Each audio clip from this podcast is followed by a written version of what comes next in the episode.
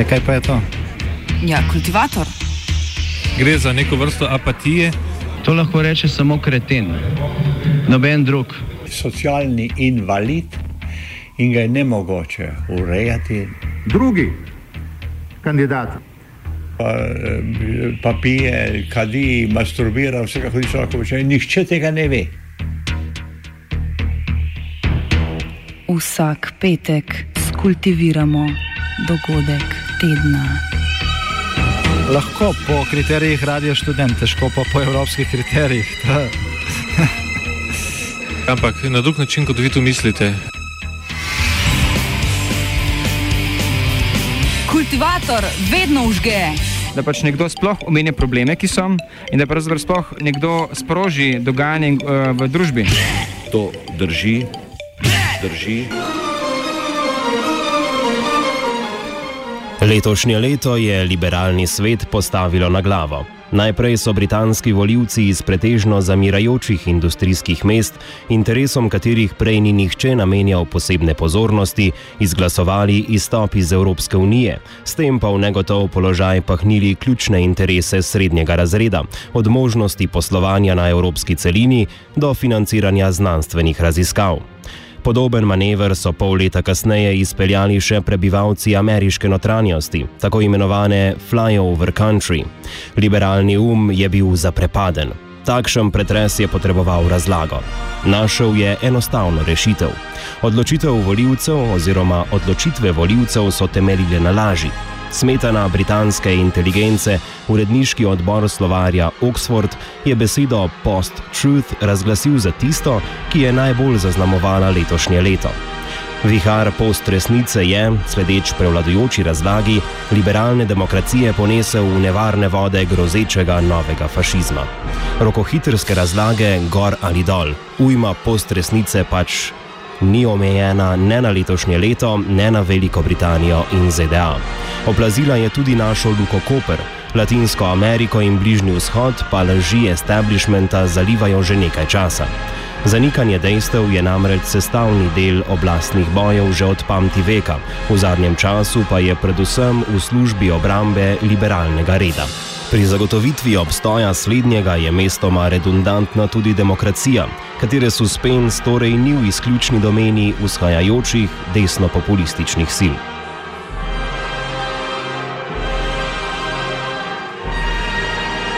Bližnji vzhod. Pregled letnega dogajanja začenjamo v Turčiji, kjer je leto zaznamoval neuspešni poskus vojaškega udara. Predsednik Recep Tayyip Erdoğan je iz zmage nad počisti išel močnejši kot kadarkoli prej. Poskusu udara so namreč sledile čistke na vseh ravneh državne uprave in varnostnih sil. 36 tisoč ljudi je bilo aretiranih, okoli 110 tisoč javnih uslužbencev pa je ostalo brez službe. Pri teh čistkah smo lahko spremljali eno bolj učinkovitih uporab orodja post-resnice v letošnjem letu. Glavni cilj čistk so bili namreč tako resnični kot namišljeni simpatizerji v Združenih državah Amerike živečega verskega voditelja Fetulaha Gülena ter kurdska manjšina. Kurdsko vprašanje je zaznamovalo tudi turško zunanjo politiko. Augusta letos je turška kopenska vojska z operacijo Eufratski ščit aktivno vstopila v sirsko državljansko vojno. Njen glavni cilj je bil omejitev pridobitev, ki so jih kurdske sile dosegle v severni Siriji, pojasnjuje Robert Love z londonske School of Economics. the regime and the and the Kurds um, largely having a, a, kind of understanding whereby they are avoiding attacking each other at the moment. Um, there are some incidents, but on the whole, they've both got more pressing enemies to to deal with at the moment. So for the time being, um, the two sides are, are leaving the other largely alone. Of course, the Turks don't like this because the Turks are very hostile to the Kurdish forces in northern Syria. Um, and indeed, one of the reasons for their intervention when they crossed the border into Syria in August was to to push back um, the successes that the Kurds.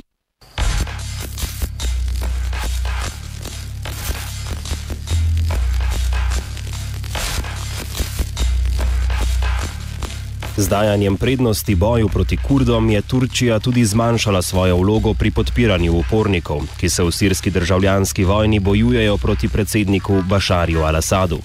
Ta je letos ob podpori Irana in Rusije okrepil svoj položaj. Ob koncu letošnjega leta je sirska vojska z zauzetjem Alepa dosegla tudi najpomembnejšo zmago do sedaj. Govori Primoš Trbenc z Univerze na Primorskem.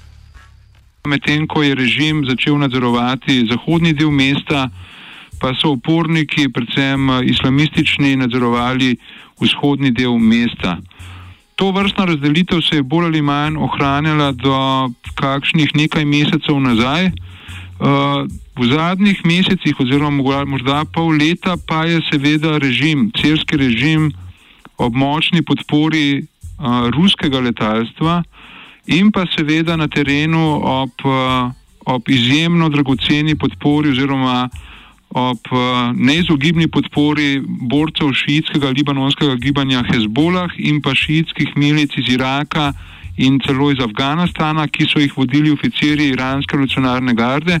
Torej, ta šiitsko-ruska koalicija je uspela uspešno obkrožiti Alepo, in potem naskakovati samo mesto. Bitka za Alepo je bila ena od osrednjih zgodb letošnjega leta, kljub temu pa je bila močno zavita v postresničnostno meglo.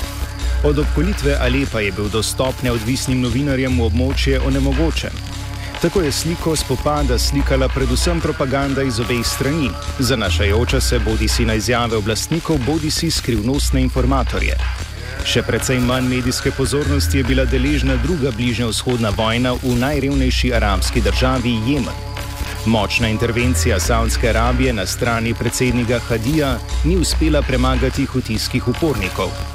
Ti so uspeli Saudsko Arabijo zaplesti v vojno izčrpavanja, hkrati pa zadržati nadzor nad vzhodnim delom države, vključno s prestolnico Sano. Vojna se je zaostrila v oktobru, ko so izjemno prihajale konfliktne informacije o spopadih. Za raketni napad proti ameriškemu rušilcu ob vzhodnji obali Jemna so Saudska Arabija in ZDA obtožile Hutije. ZDA so se na to z bombardiranjem hutijskih radarjev prvič neposredno vključile v spopade. O postresničnem ozračju, ki je obkrožalo napad, Karim Kamel iz delovne skupine za Bližnji vzhod na Inštitutu Evropske univerze. Uh, I think that it is probably the action of uh, ISIS or members of the Qaeda in the Arabian Peninsula who wish to draw the United States into a confrontation uh, in in Yemen. But I do not think that it is the Houthis, although they have been the ones uh, accused of hitting these missiles on USS Mason, uh, the uh, warship USS Mason. But I do not think that it lies in their interest to draw the United States into the confrontation further. Uh, at the same time, they already have a problem with the Arab coalition and they're fighting enemies on multiple fronts.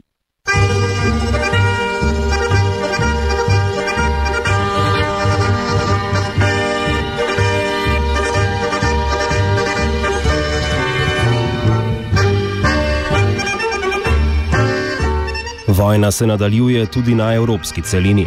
Konflikt na vzhodu Ukrajine se je v preteklem letu do dobra zamrznil v nizko intenziven konflikt brez očitne rešitve na vidiku. Večjih ozemeljskih premikov letos ni bilo, kljub temu se je število civilnih žrtev od začetka proti koncu leta ustrajno povečevalo. Skupno število civilnih žrtev je po podatkih Združenih narodov v preteklem letu doseglo nekaj čez 500 ljudi, od tega 95 mrtvih. Ukrajinske vladne sile so zabeležile nekaj manj kot 500 žrtev. Propadli so trije poskusi premirja. Prvi okoli novega leta, drugi septembra ob začetku šolskega leta in zadnji, ki je v veljavo stopil na Božič in ni zdržal več kot dva dni.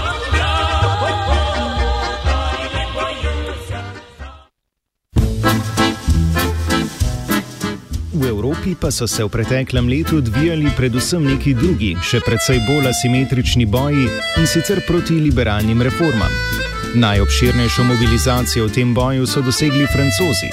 Predlog novega zakona o delu, ki ga je februarja predlagala domnevno leva Vajsova vlada, je predvideval fleksibilizacijo trga dela z olajšanjem odpuščanja in znižanjem dodatkov za delo preko 35-urnega delovnika.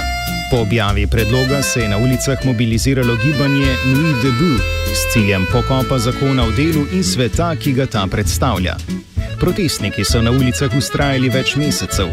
Gibanju so se konec maja pridružili tudi večji sindikati, ki so za nekaj dni v večji meri ustavili delovanje naftnih rafinerij in blokirali dostop vseh komercialnih naftnih zalog v državi, zaradi česar je vlada morala poseči po strateških naftnih zalogah. Prav tako so za 24 ur prekinili proizvodnjo električne energije v večini jedrskih elektrarn, ki so odgovorne za 70 odstotkov proizvodnje elektrike v državi. Francoski mediji so proti ustajnikom sprožili kampanjo diskreditacije. Ta sicer ni bila označena za del postresnične politike leta 2016, kljub temu, da ni temeljila izključno na dejstvih. Alain Krivin, eden od voditeljev študentskih protestov leta 1968, trdi, da je bila to vrstna intenziteta propagande v Franciji zadnjih nekaj desetletij nevidena. There is a big campaign in the media, in the TV, in the radio, in the press. Uh, not totally, but the majority of them uh, are criticism the CGT, explaining the ultra left, uh, too much radicalized, uh, led some of them say led by Trotsky, which is not true, of course. But it's clear that the CGT play a big role, and then you have a lot of attack against against them by the press, the TV, the radio. A big campaign that I never seen, you know the two things which are very new is the, the nature and the the uh, size of the repression, police repression against uh, all the movements, and the propaganda of the radio and the TV and the press against the CGT. That's very new. In 68, we have not such a propaganda against the trade union.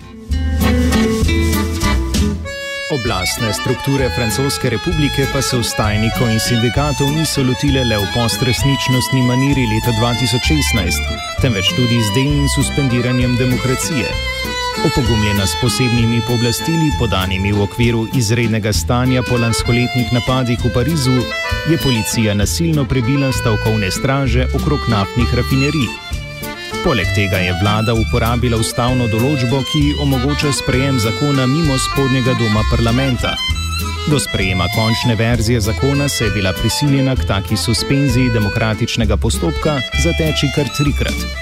A ta suspens, ki se ga ni poslužila nacionalistična ali populistična, temveč mainstream politična opcija, vsaj v prevladujočem diskurzu ni bil označen za konec liberalne demokracije.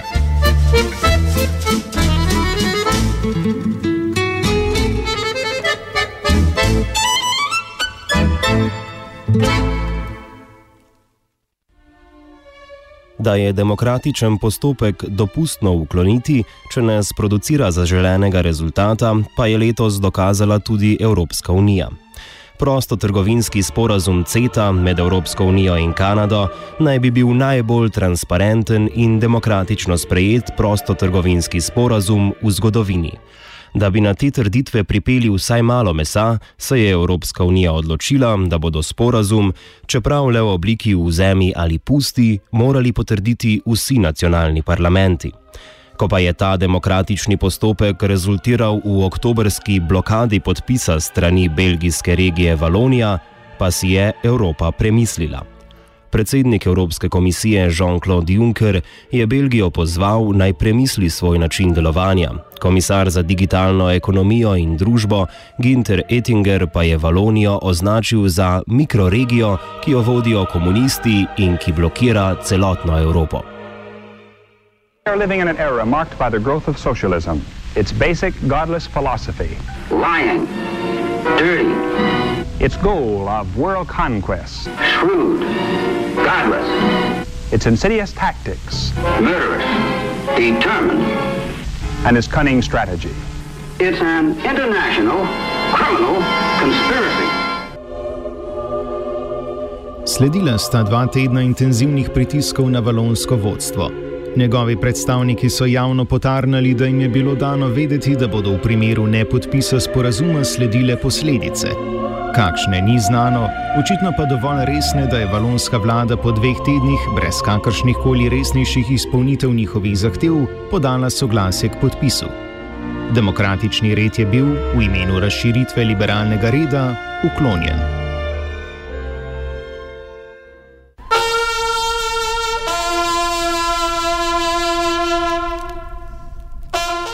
Nasprotno se je zgodilo na otoku. Za liberalno paniko so 23. junija poskrbeli britanski voljivci, ki so izglasovali odhod Velike Britanije iz Evropske unije. Odločitev, da se referendum sploh razpiše, je bila rezultat desetletja dolge hladne vojne znotraj konzervativne stranke med neoliberalno strujo, naklonjeno londonskem, londonskemu finančnemu središču, in nativističnim krilom, ki imajo svojo bazo v lokalnih odborih. Ko je hladna vojna postala vroča, so se ideološkim brexitašem pridružili tisti, ki jih je mikala selitev na Downing Street številka 10. Referendum se je tako v veliki meri odvil kot notranji boj za oblast in ideologijo znotraj konzervativne stranke, pojasnjuje sociolog Richard Seymour. There is this experience of class injury and decline and neglect and so on, uh, which has produced a, uh, a rage against the establishment. And in this campaign, the uh, those who campaigned for Brexit were the ones who positioned themselves as the anti-establishment vote. The left wasn't really in it. Um, the left didn't uh, have much of an impact on the campaign at all. Um, the right uh, really had the campaign on their own terms because this whole thing was structured as an argument between two factions of the Conservative Party. On the one side, the pro business centre right, and on the other side, the um, nationalistic and racist hard right. And uh, in such a debate, um, usually I think the more populist side is more likely to win. Izid referenduma je pomenil tudi konec politične kariere premijeja Davida Camerona, ki je odstopil naslednje jutro. Bitka za njegovo nasledstvo se je končala antiklimaktično.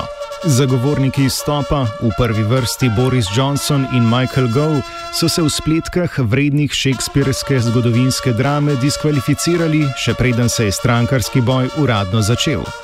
Premijejka je postala Theresa May, ki se je v referendumskem viharju držala pravila, da veter najbolj udarja po najvišjih vejah. Po stari torijski tradiciji je stranka hitro pobrala padle z bojišča in se strumnim korakom odpravila v nejasno prihodnost. Tega pa se ne bi dalo reči za laboriste. Člani parlamenta so medlo nastopanje v referendumski kampanji izkoristili za poskus odstranitve svojega voditelja Jeremija Corbina. Boj se je končal na oktobrskem glasovanju o vodi stranke. Levičarski Corbyn je še izboljšal svoj rezultat nad novimi laboristi, ki jih je nekoč vodil Cameronov politični vzornik Tony Blair.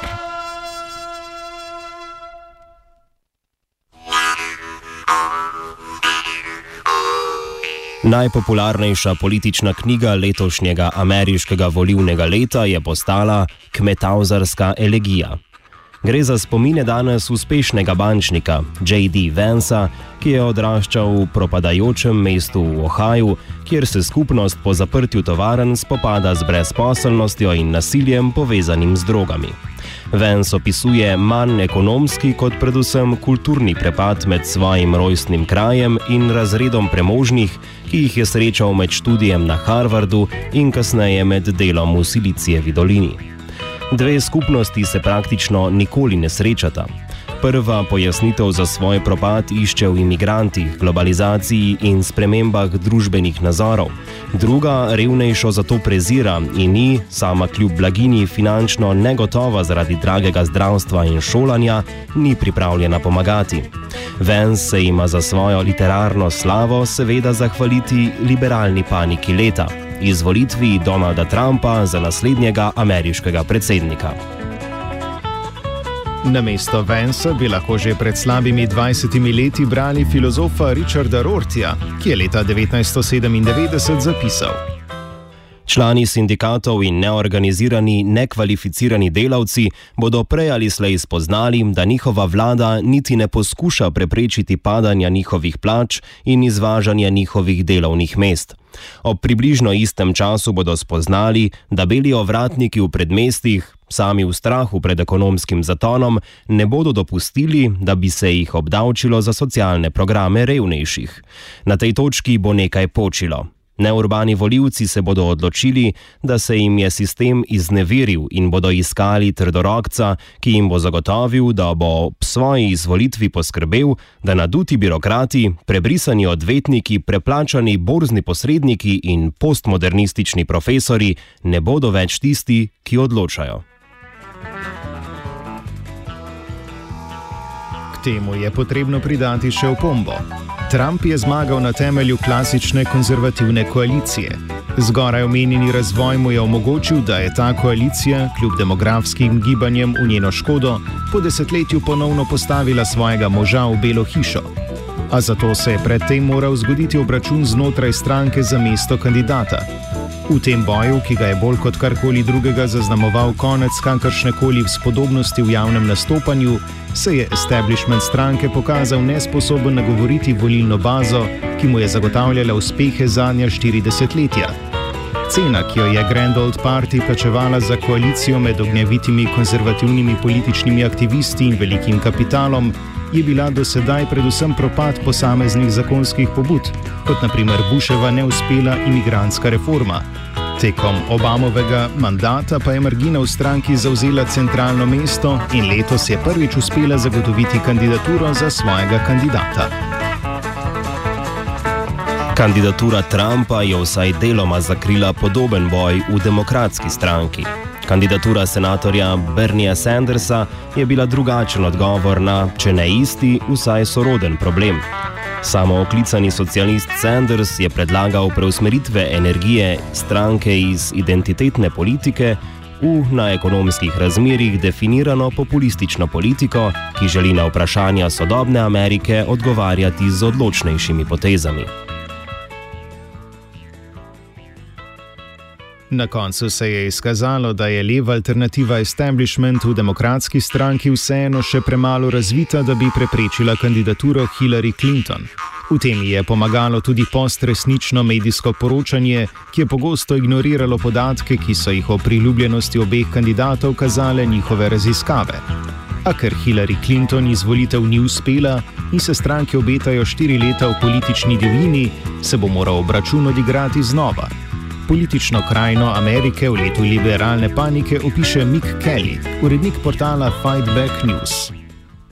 I think in the United States in general, uh, there's a political crisis uh, in existence where uh, you have candidates who essentially represent the, the well-off, the rich, really, and uh, and uh, they are desperate. They are really out of sync with where the American people are at. And uh, as we were saying earlier, uh, people do want alternatives, and I, I, think those alternatives are going to develop organically over the next couple of years. We have huge movements, social movements here in the U.S. Black Lives Matter, standing up against police terror. We have the events in Standing Rock of the Native peoples. Uh, there's been some very large strikes as of late. Uh, so there's a lot of motion that exists among the American people, but I think it'll take time to for it to crystallize into a political movement that challenges the two-party system.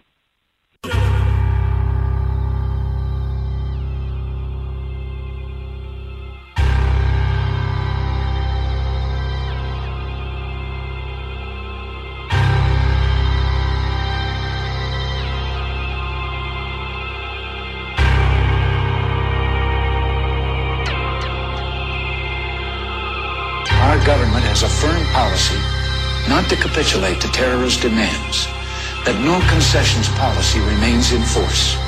In spite of the wildly speculative and false stories about arms for hostages and alleged ransom payments, we did not, repeat, did not trade weapons or anything else for hostages.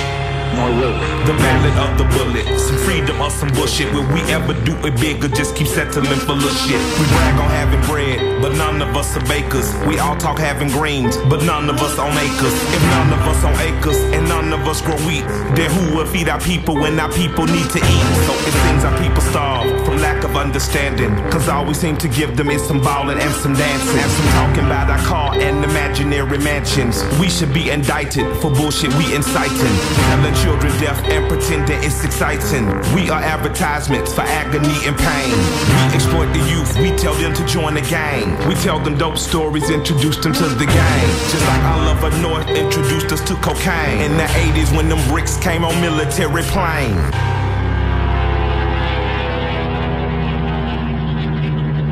Two months ago, I told the American people I did not trade arms for hostages. My heart and my best intentions still tell me that's true, but the facts and the evidence tell me it is not. The end of the Reagan era.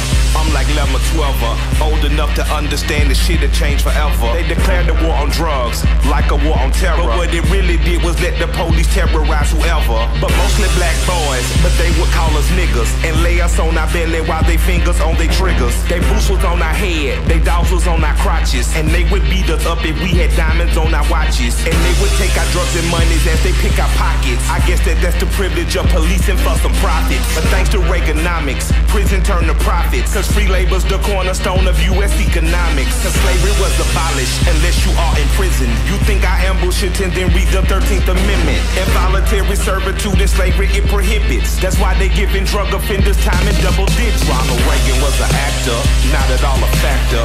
Just an employee of the country's real masters. Just like the Bushes, Clinton and Obama. Just another talking head telling lies on teleprompters. If you don't believe the theory, then argue with this logic. Why did Reagan and Obama both go after Gaddafi? We invading sovereign soil, going after oil. Taking countries is a hobby paid for by the oil lobby.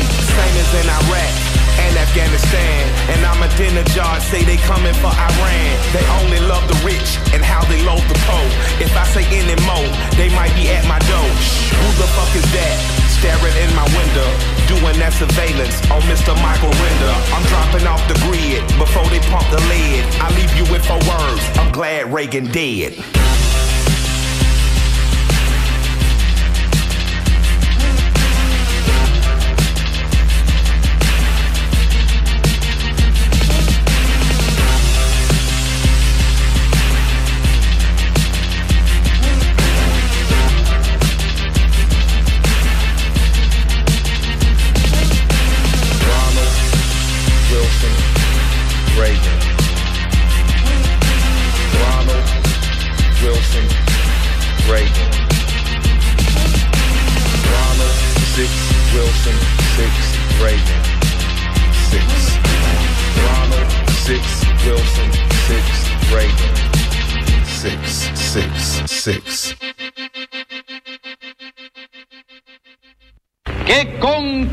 Combatientes cubanos podré contar el movimiento revolucionario en cualquier rincón de la tierra. Bil je in ni ga več.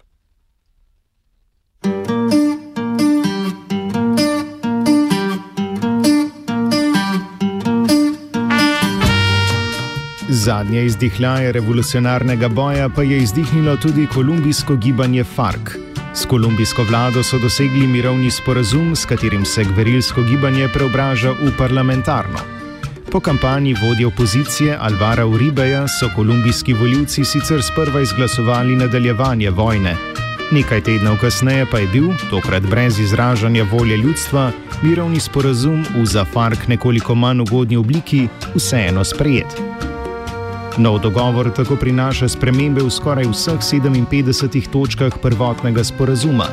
Med drugim ne predvideva upisa dogovora v ustavo, določa popis materialnih dobrin v lasti Farka in določa, da mora Fark predati vse informacije o njihovem odnosu do prekupčevanja z drogo. Zmanjšuje pa tudi denarno podporo, ki jo bo nova Farkova politična stranka prejemala iz javnih sredstev in šibi določila glede enakosti spolov v sporazumu. Sporazum pa ohranja deset zagotovljenih sedežev v obeh domovih parlamenta za predstavnike Farka. Kolumbijski vladi tudi nalaga vrnitev zemlje zasežene tekom trajanja konflikta njihovim prvotnim lastnikom in kmetom brez zemlje.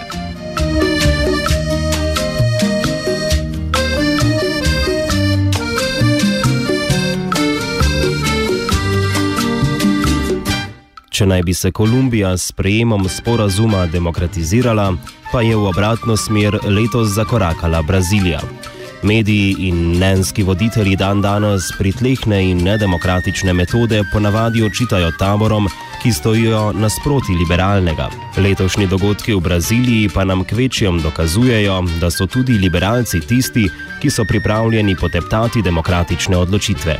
Bivšo predsednico Dilmo Rousseff je v aprilu brazilski parlament razrešil na podlagi obtožb o korupciji. Odstavitveni proces sam je bil na meji zakonitosti, saj Rousseff ni bila pravnomočno obsojena, odstavitev pa je temeljila bolj na prekrških kot deliktih. Kljub množičnim protestom je na njeno mesto stopil desničar Mišel Temer iz stranke Demokratičnega gibanja Brazilije, bivše koalicijske partnerice delavske stranke Dilme Rousseff. Temer sicer zaradi kršitve volivne zakonodaje v preteklosti na demokratičnih volitvah sploh ne bi smel kandidirati za predsedniško funkcijo.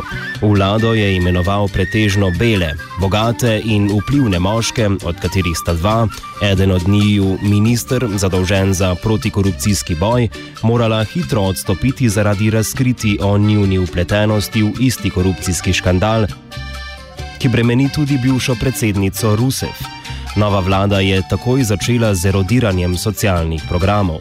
Višek je ta nedemokratično ustoličeni, a liberalni pogon dosegel konec leta, ko je Brazilija z ustavnim amandmajem zamrznila absolutno višino javnih izdatkov za prihodnih 20 let.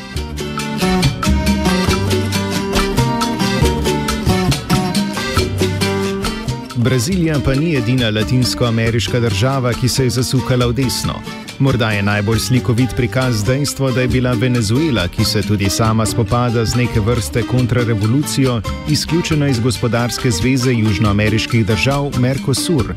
V desno se je namreč zasukala ena močnejših držav v bloku Argentina. Ta je že decembra lani na predsedniško mesto izvolila Mauricija Makrija, vodjo desničarske stranke Republikanski predlog.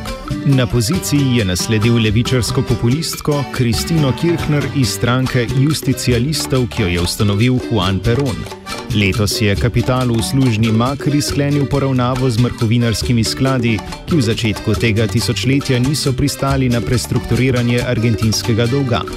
Grob pregled makrivih politik poda sociolog Juan Pablo Ferrero z Univerze v Batu. The policies of Macri have meant so far less, less tax revenue for the government, for the state. More inflation, more inflation even than predicted by the economists aligned with uh, the government, uh, who are um, uh, agreeing that it will be more than 30, 40%, 40, 40% annually and a great leap of faith in that uh, in the belief that the market will somehow enable the development than uh, that they argue the state was hampering.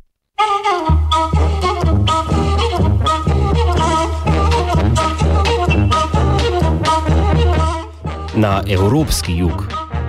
Srbijo so to leto zaznamovali premiki na področju civilne družbe. V sredini oktobra se je namreč formirala civilno-družbena fronta Građanski front, ki jo sestavlja sedem inicijativ dejavnih na različnih področjih.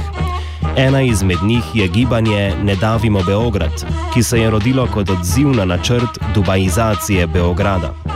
Govora je o projektu Beograd na vodi, ki predvideva arhitekturno preobrazbo dna Savskega amfiteatra, območja ob obali Save pod trdnjavo Kalamegdan v potrošniškem duhu.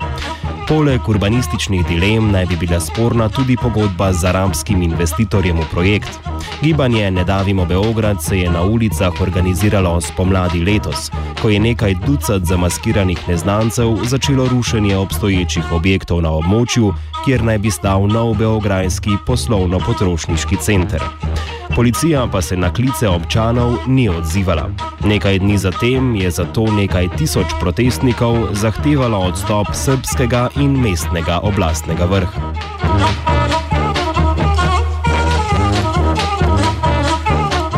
Građanski front oziroma državljansko fronto pa sestavlja tudi inicijativa Podrži RTV oziroma Podpri radio televizijo Vojvodino. Slednja je bila namreč deležna obsežnih kadrovskih menjav maja letos, ko je v povolilnem duhu Vučičeva oblast zamenjala 13 do vlade kritičnih urednikov.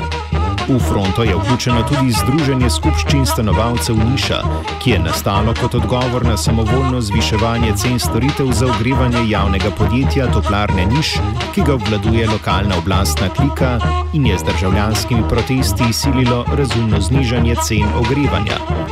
Različne civilne inicijative je za Balkan Express takole pokomentiral sociolog Srečko Mihajlović.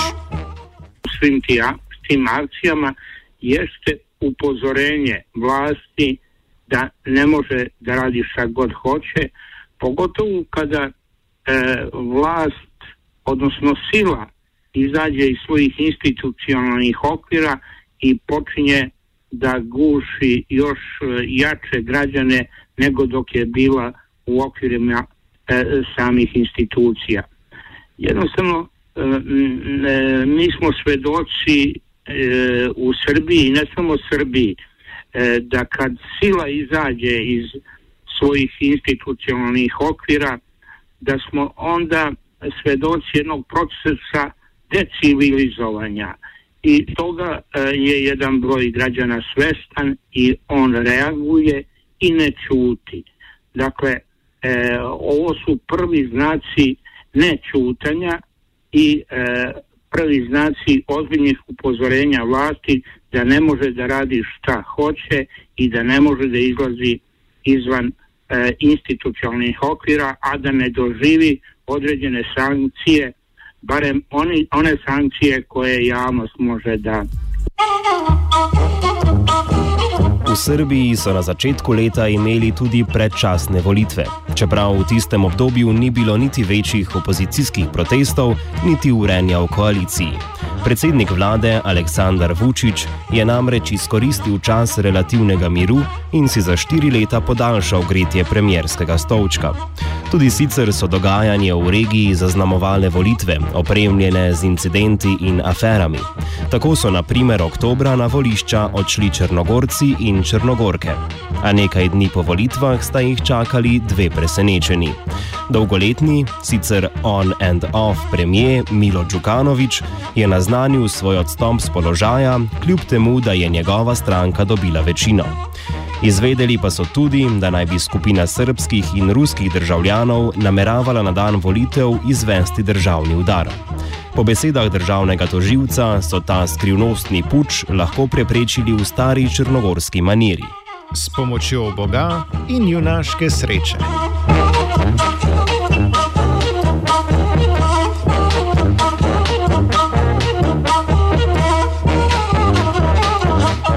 Šerif Črne Gore tako morda spet odhaja na dopust, šerif bližnje Makedonije pa po vsej verjetnosti ostaja na svojem položaju.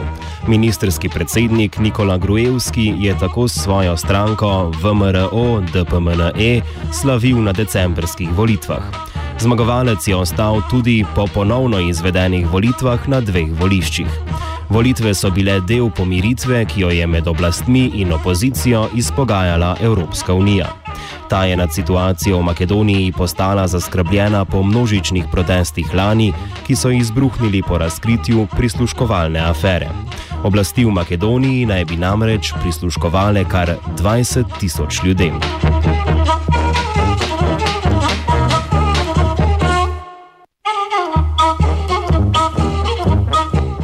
Volitve pa so zaznamovale tudi hrvaško politično leto. Po volitvah leta 2015 sta vlado formirala desničarski HDZ in zmedeni Most. Za predsednika vlade pa je bil izbran tehnokrat, kanadski hrvat Tihomir Tim Oreškovič. Vlada je dvignila kar nekaj prahu zaradi močne konservativne agende, na zadnje pa so junija Timu Stovček spodnesle znotraj koalicijske razprtije. Septembra so se tako Hrvati znova odpravili na volitve in kot relativnega zmagovalca ponovno potrdili HDZ. Ta je pod novim, bolj zmernim vodstvom evrokrata Andreja Plenkoviča ponovno sklenil koalicijo z Mostom.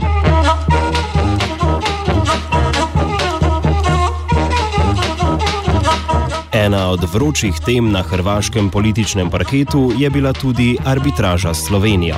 Zunanje ministrstvo Janezov je namreč želelo podatke o poteku arbitraže, zato so se informirali kar pri sodniku iz slovenske kvote Jrneju Sekolcu. Ta naj bi bil nepristranski in ne v službi države, ki ga je imenovala. Hrvaški politični vrh je ocenil, da je postopek kontaminiran in od njega odstopil. Sodišče in Slovenija pa ustrajata, da arbitraža še traja in da so odločitve sodišča obvezujoče.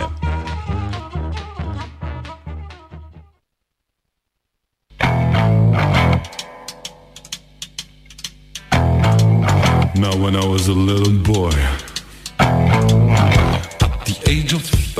V Sloveniji smo lahko v tem letu spremljali postopno preobrazbo premijeja Mira Cerarja, ki se je začela že lansko leto, letos pa se je le stopnjevala. Govorimo seveda o preobrazbi njegove javne podobe iz neodločenega in zmedenega profesorja v odločnega in spretnega politika. We could have a lot of fun. Prvi zares odločen nastop je bil sicer nekoliko neposrečen. Cerar pa ga je javnosti namenil ob poletni blokadi Luke Koper. Slovenski državni holding, krajše SDH, je junija brez očitne utemeljitve naznanil namero, da predčasno zamenja tri od petih nadzornikov Luke Koper. Menjava nadzornega sveta bi omogočila posledično menjavo tedanje uprave, ki je ostro nasprotovala kakršnim koli idejam o privatizaciji ali razkosavanju Luke Koper, ki jih je v zadnjih dveh letih postopoma oblikovala vlada. Poteza SDH je bila zato v večjem delu javnosti interpretirana kot poskus menjave uporne uprave in začetek privatizacije pristanišča.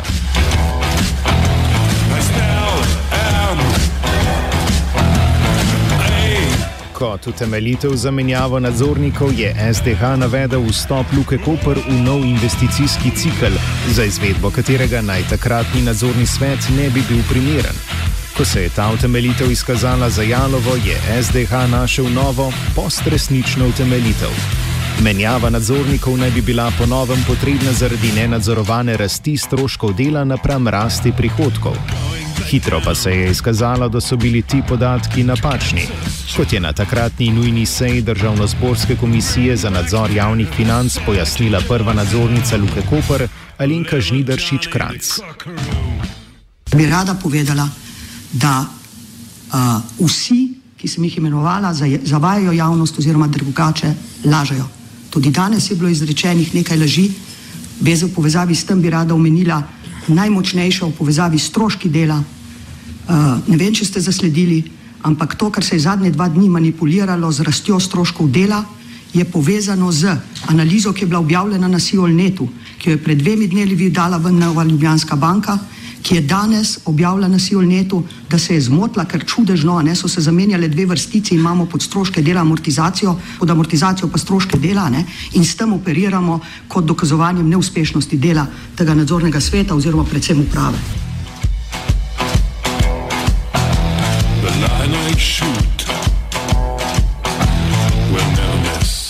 Poskus vlade, da temeleč na postresničnostni kampanji dezinformacij zamenja nadzornike Luke, pa se pri tem ni končal. Metod Dragonja, takrat državni sekretar na Ministrstvu za finance, je lansiral še eno utemeljitev za menjavo nadzornega sveta. Ključno, ker je problem pri Luki Koper prenizek donos na kapital. Na koncu so pomembne številke, facts and figures. Donos na kapital, ki ga dosega Luka Koper, je na nivoju 2,5 odstotka. Srednja povprečna donosnost uh, primerljivih firm, se pravi pristanišč v evropskem prostoru, je 6,3 odstotke. Najboljša pristanišča imajo donos preko 9 odstotkov, to je prvi kvartil. Izkazalo pa se je, da je bila tudi ta trditev postresnična, saj je Luka Koper dosegala nekaj čez 10 odstotni donos na kapital in ne 2,5 odstotnega, kot je trdil Dragonja. Poskusi manipulacij in relativno prozorni nameni vlade so pripeljali do delavske blokade Luke Koper in primorske mini ustaje. SDH je bil prisiljen umakniti predlog po menjavi nadzornikov, predsednik uprave SDH Marko Jazbec pa je odstopil. Na zahteve protestnikov, da naj odstopi še infrastrukturni minister Peter Gašpršič, ki ga bremenijo obtožbe o pritiskih na upravo in nadzorni svet Luke Koper, pa se je z novo odkrito odločnostjo odzval premije Cerar. Ne zelo posrečeno. In naj povem, da je to popolnoma nespremljivo nikakor ne morem pristati in ne bom pristal na to, da bi delavci vodili podjetja, državna podjetja in še manj to, da bi delavci vodili državo. Proti koncu leta pa se je Cerarjev PR pospešeno profesionaliziral. Že v prvi polovici leta je predsednik vlade najel profesionalne svetovalce za politični PR. Natančneje, najel je izraelskega svetovalca Aizina Asafa, ki je med drugim v predvolilnem času svetoval tudi srpskemu premijeju Aleksandru Vučiću, pri nas pa pred prejšnjimi volitvami Alenki Bratušek. Njegov glavni nasvet premijeju naj bi bil sledeč pričevanjem članov stranke Modernega centra, ki jih je zbral časnik Delo, pogostejše nastopanje pred mediji in s tem diktiranje medijske vsebine. Skladno s tem si Cerar v zaključnem delu leta, predvsem pri žgočem vprašanju zdravstvene reforme, ni več imel časa za premislek, temveč je večkrat pogumno nastopil pred kamerami in odločno ter za vsako ceno branil ministrico iz kvote svoje stranke. Privoščimo si časovno zgoščen prikaz te preobrazbe. Lansko leto je premijev odziv na opozicijske pritiske po odstavitvi ministra Janka Webra izgledal takole in že proti večeru, jutri bom nadaljeval seveda preučevanje uh, te zadeve. Čakam še nekaj dodatna gradiva tudi iz državnega zbora in predvidoma bom nekje v začetku prihodnega tedna glede tega uh, sprejel neko dokončne stališča.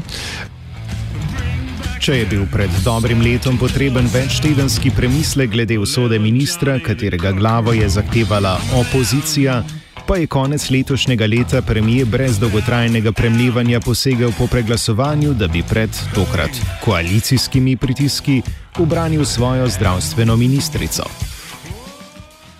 Sem moral danes kljub temu zahtevati sprejem odločitve, tu ni bilo več mogoče čakati in uh, zato je bilo tudi danes nujno preglasovanje na tej točki.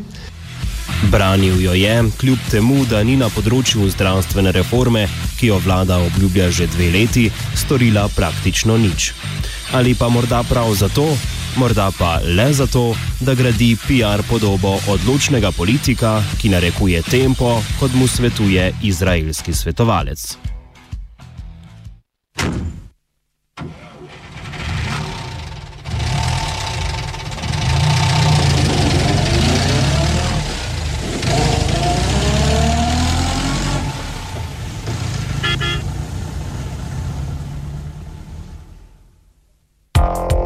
Precej manj medijskega pompa, kot je, je bila deležna marsikatera poteza Cerarjeve vlade, pa je ta letos uspela zastaviti in v veliki meri že tudi izpeljati spremembo sistema določanja cen naftnih derivatov. Ob avtocestah in hitrih cestah je cena goriv že prepuščena prostemu trgu, v prihodnosti pa bo to veljalo za gorivo kjerkoli po državi. Ta tako imenovani prosti trg je sicer na področju distribucije goriv pri nas še posebej omejen, V večji meri ga nadzorujeta zgolj dva ponudnika: Petrol in OMV.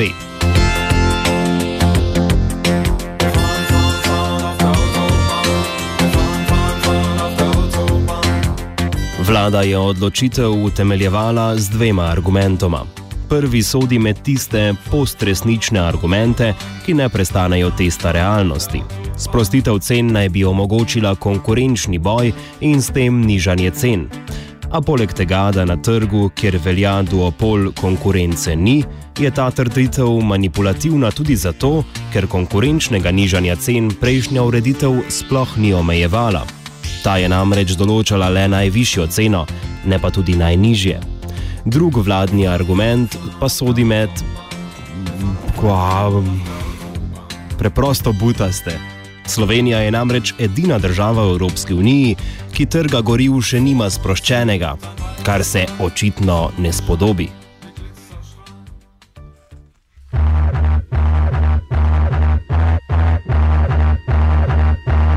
Nespodobno pa je tudi zasedanje in uporaba stavb, ki si jih ne lastiš.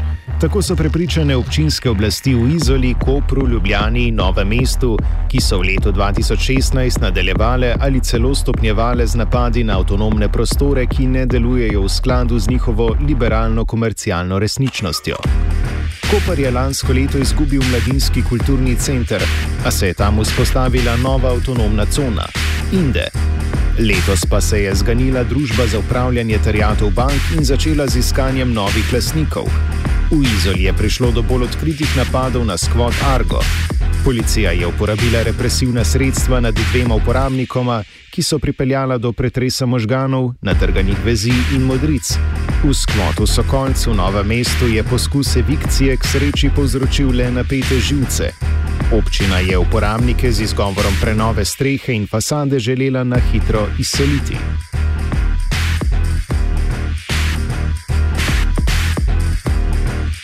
Brez modric pa ni šlo v Ljubljani, v nekdani tovarni rok. V začetku junija se je ob tretji jutranji uri v spremstvu varnostne službe Valina v tovarno pripeljal bager, ki naj bi začel z rušitvijo. A se rušitev zaradi srčnega odpora uporabnikov ni začela, bager pa se je iz rušilne rumene odel v prijaznejšo roza barvo in postal simbol upora. Nekaj dni po neljubem incidentu so tovarno neprijetno presenetili še neonacisti s kamenjem in pirotehničnimi sredstvi. Prihodnost tovarne rok je trenutno v rokah sodišč, ki odločajo o pravici uporabnikov do uporabe prostora, do nadaljnega pa je z odločitvijo sodišča rušenje prepovedano.